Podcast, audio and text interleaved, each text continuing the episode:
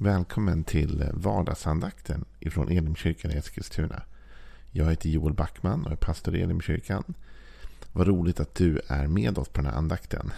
Om du vill veta mer om vår församling så gå in på www.elimkyrkan.com eller så letar du upp oss på Facebook eller på YouTube. Lika och prenumerera så missar du ingenting av det som händer hos oss.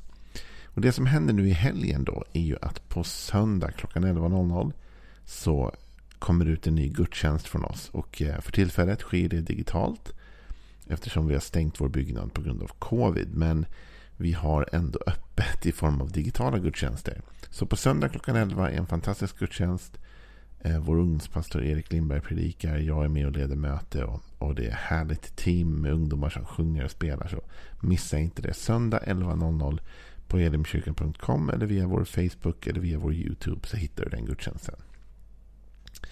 Idag hörni så är det fredag. Det är sista dagen på den här veckan och eh, vi ska avsluta temat om, om tio Guds bud. Och nu kanske du tänker så här, ja men det är väl två bud kvar? Har vi inte bara gjort liksom åtta bud? Jo, så är det. Men de här två sista buden är väldigt tätt besläktade med varandra. Och som jag sagt till dig tidigare så är inte mitt mål med de här andakterna det är inte att vi ska djupdyka i all eh, form av teologi eller gå in på eh, liksom alla hebreiska ord vi kan här eller, eller hitta alla distinktioner eller, eller skillnader. Utan målet är att du och jag ska få med oss någonting in i vår vardag som vi kan göra något med, förstå någonting. Och därför har vi ibland valt mer att fokusera på liksom inte bara buden i sig, men liksom vad de symboliserar för någonting. Och det vill jag få göra idag. Men vi ska läsa de här två sista buden. Det nionde och det tionde budordet. Eh, och vi hittar det i Andra Mosebok, det tjugonde kapitlet. Där vi läser liksom Mose förmedlar de här buden till folket och från Gud. Och då står det så här, då läser vi ifrån den sjuttonde versen. Du ska inte ha begär till din nästas hus. Du ska inte ha begär till din nästas hustru eller hans slav eller hans slavinna, hans oxe eller hans åsna eller något annat som tillhör din nästa. De här buden är väldigt eh, täta. Det första budet är du ska inte ha begär till din nästas hus. Det är det nionde budet. Och det tionde budet är du ska inte ha begär till din eh, nästas hustru eller tjänare eller tjänarinna, slav eller slavinna, hans oxe eller åsna eller något annat som tillhör din nästa. Vill man skilja dem på något sätt så kan man ju spontant se att det första handlar mer om eh, hårdvaluta känns det som. Eller hur? Du ska inte ha begärt till nästas hus. Här skulle jag räkna in ägodelar, prylar, saker. Det andra är hustru. Eller tjänare eller tjänarinna. Oxe eller åsna. Det här är lite mer ändå relationellt. Va? Det är levande varelser det handlar om. Nionde budet handlar om saker. Eh, tionde budet handlar om, om människor eller relationer eller djur. Men i alla fall levande varelser. Men grundbulten i båda dessa är såklart att du inte ska ha begär till det som tillhör din nästa. Eh, och det finns flera skäl till det tror jag. Varför vi ska det. Och, och det ena skälet är, har ju faktiskt med eh, tillfredsställelse att göra. Tacksamhet att göra. Att faktiskt vara tacksam för det man har. Att leva eh, i tacksamhet till Gud. Och när vi har begär till allt som alla andra har, då är vi ofta har vi en tendens att inte vara tacksamma för det vi har. Det är en svår balansgång att hela tiden sträva efter något som någon annan har och samtidigt vara tacksam för det man har. Det finns säkert någon som klarar den balansgången. Men för det mesta när vi börjar snegla på vad alla andra har då blir vi otacksamma för det vi själva har. Jaha, min granne köpte ny BMW och jag som bara har en Volvo. Eller vad man nu har. Inte vet jag vad du vill ha för bil. Men du förstår min poäng. Eh, och vi har ju mycket i västvärlden att vara tacksamma för. Om vi tar det nionde budet, om vi börjar där. Med att vi inte ska begära till vår nästas hus. Så måste vi någonstans i det förstå att nästan hela världen skulle vilja ha det som oss. Vi här i västvärlden, vi sitter ju på världens alla resurser nästan. Om du åker runt i de fattiga länderna i världen. De skulle drömma om det du har och det jag har kanske. Även om det du och jag har skulle vara på låg nivå i Sverige. Så är det på hög nivå i världen. Eh, och jag tror att när vi då bara sneglar på den som har det bättre än oss hela tiden. Så blir det någon sorts otacksamhet där. Som, där vi egentligen borde vara tacksamma till Gud också för det vi har. för det goda vi har och förstå att stora delar av världen har inte det vi har. Men jag hade en god vän förresten på tal om det. Jag kommer att tänka på nu bara. Eh, när jag läste teologi. Han hade ofta mycket underfundiga saker att säga. Och jag vet att han, han sa så här ibland att eh, eh om gräset är, grä, är grönare på andra sidan så är det för att du inte har vattnat ditt eget. Och det ligger någonting i det. Alltså, det vill säga om jag inte tar hand om mitt eget. va. Jag borde vara mer fokuserad på min hustru och, och de jag har i min närhet än på min nästas hustru. Eller det, de människor han har runt sig. Men idag vill jag ändå få fokusera lite extra på en särskild detalj som har med begäret att göra. Och redan när vi talat om att stjäla och när vi har talat om att ljuga så har vi varit inne faktiskt på detta att, att det handlar om också att välja tillhörighet här.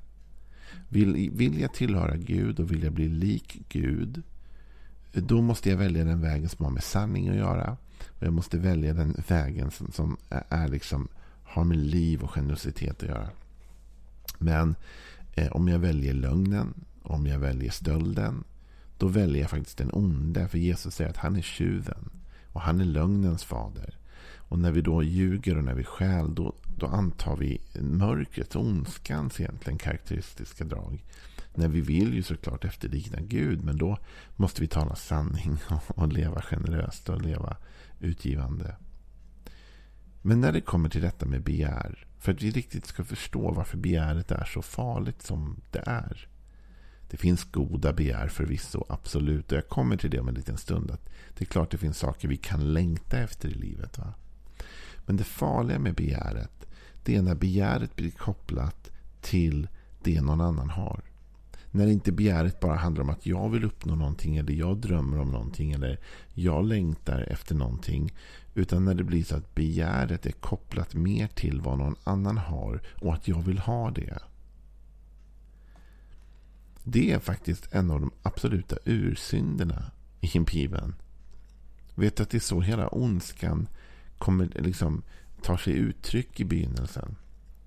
Den bibliska berättelsen om, om, om djävulen, som då är, är liksom ondskan själva. Eh, det bygger på att han är i himmelen. Han är en ängel i himmelen och han tjänar Gud. Men, säger Bibeln och berättar att han får för sig att nej, men han vill ha det Gud har. Han vill sitta på Guds tron. Han vill upphöja sig själv över Gud och han vill ta Guds tron. Som du tänker dig in då, att här har du en ängel egentligen i himmelen. Och himmelen beskrivs ju ur alla perspektiv i Bibeln som den absolut bästa platsen som någonsin finns. Och Det här är ganska viktigt tror jag, för oss att förstå, vi i västvärlden, om vi ska dra lite paralleller nu. Alltså djävulen är på den bästa plats som finns. Han är i allting, där, där det inte finns någon, något ont, där det bara finns egentligen godhet, där det bara finns skönhet, där det bara finns ljuvlighet, där det bara finns ingen sjukdom, ingen död, ingen nöd. Allt där, liksom, och Guds härlighet är överallt. Djävulen är på den bästa plats man kan vara. Men väl där så är han inte tacksam för det. Det är inte så att han verkar uttrycka tacksamhet och, och glädje över det. Utan vad han gör är att han blir avundsjuk. Därför att det finns någon där som har mer än honom. Och det är Gud själv då. Och helt plötsligt börjar Guds tron se väldigt lockande ut.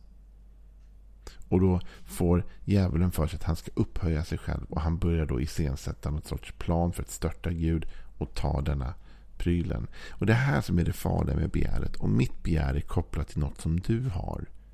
Så blir det till slut så att jag riskerar att vilja fälla dig för att få det du har.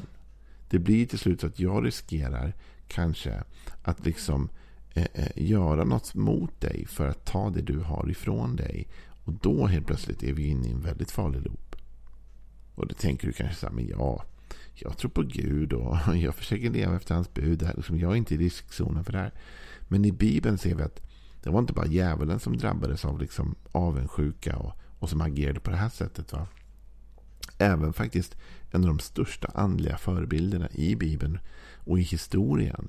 En person som jag beundrar enormt mycket i, i många avseenden och som, som är verkligen en, en förebild för oss. Va? Kung David.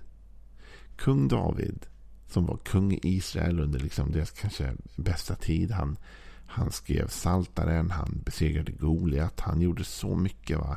Var en sån god ledare för Israel. Han påbörjade bygget av templet. Han gjorde mycket. Han får se en kvinna som heter Batseba. Problemet är att hon tillhör en annan man.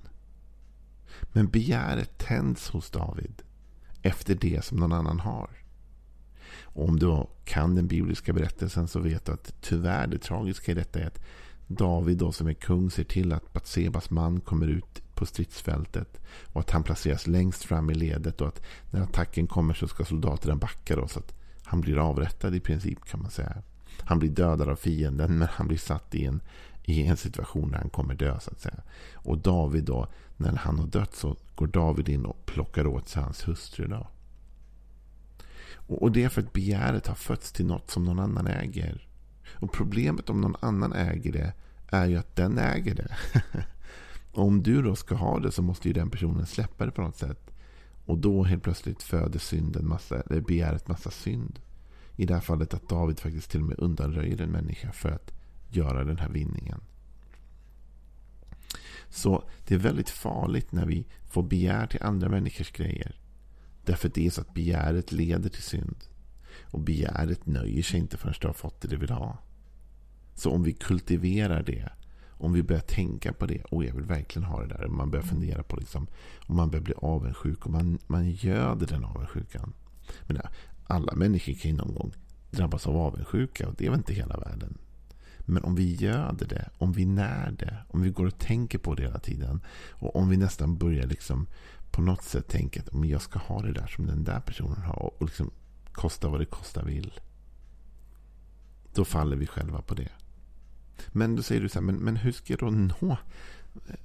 Hur ska jag då komma dit jag vill? Ja, men faktum är att, att Bibeln talar om att, eh, att först och främst vi ska söka utifrån oss själva. Guds taktik är att vi inte ska plocka det någon annan har. Utan Gud vill genom oss tillfredsställa våra behov. Jesus undervisar om det i Johannes, det sjunde kapitlet. Eh, välkända ord från den 37 versen. På högtidens sista och största dag ställde sig Jesus och ropade Är någon törstig så kom till mig och drick. Den som tror på mig, ur hans inre ska flyta strömmar av levande vatten som skriften säger. Så Jesus talar om att tillfredsställelsen för dig och mig ska vi inte söka utanför oss själva. Den ska komma från insidan. Gud har placerat den heliga ande i oss. Och den heliga ande är den som ska liksom vara den som fyller det behov och det begär vi har. Så att vi söker inåt. Jag går inte och söker det liksom tillfredsställelse i det andra har. Va? Jag blir glad när du har någonting fint, när det går bra för dig, när du har ett lyckligt äktenskap, eller en fin bil eller fint hem. Va? Men, och jag söker min tillfredsställelse inte i det du har, utan det jag har inom mig. Jag vänder mig inåt istället. Vet du, det är inte fel att ha begär och det är inte heller fel att få upp tillfredsställda begär. Men det beror lite grann på vårt perspektiv. I, i eh, Saltaren 37 och vers 4 står det. Ha din glädje i Herren. Han ger dig vad ditt hjärta begär. Ha din glädje i Herren. Han ger dig allt vad ditt hjärta begär. Står det till och med. Ditt hjärta. Ser du igen att nu är vi inne i oss själva. Och här talas det om att de begär vi ska följa det de har i vårt inre.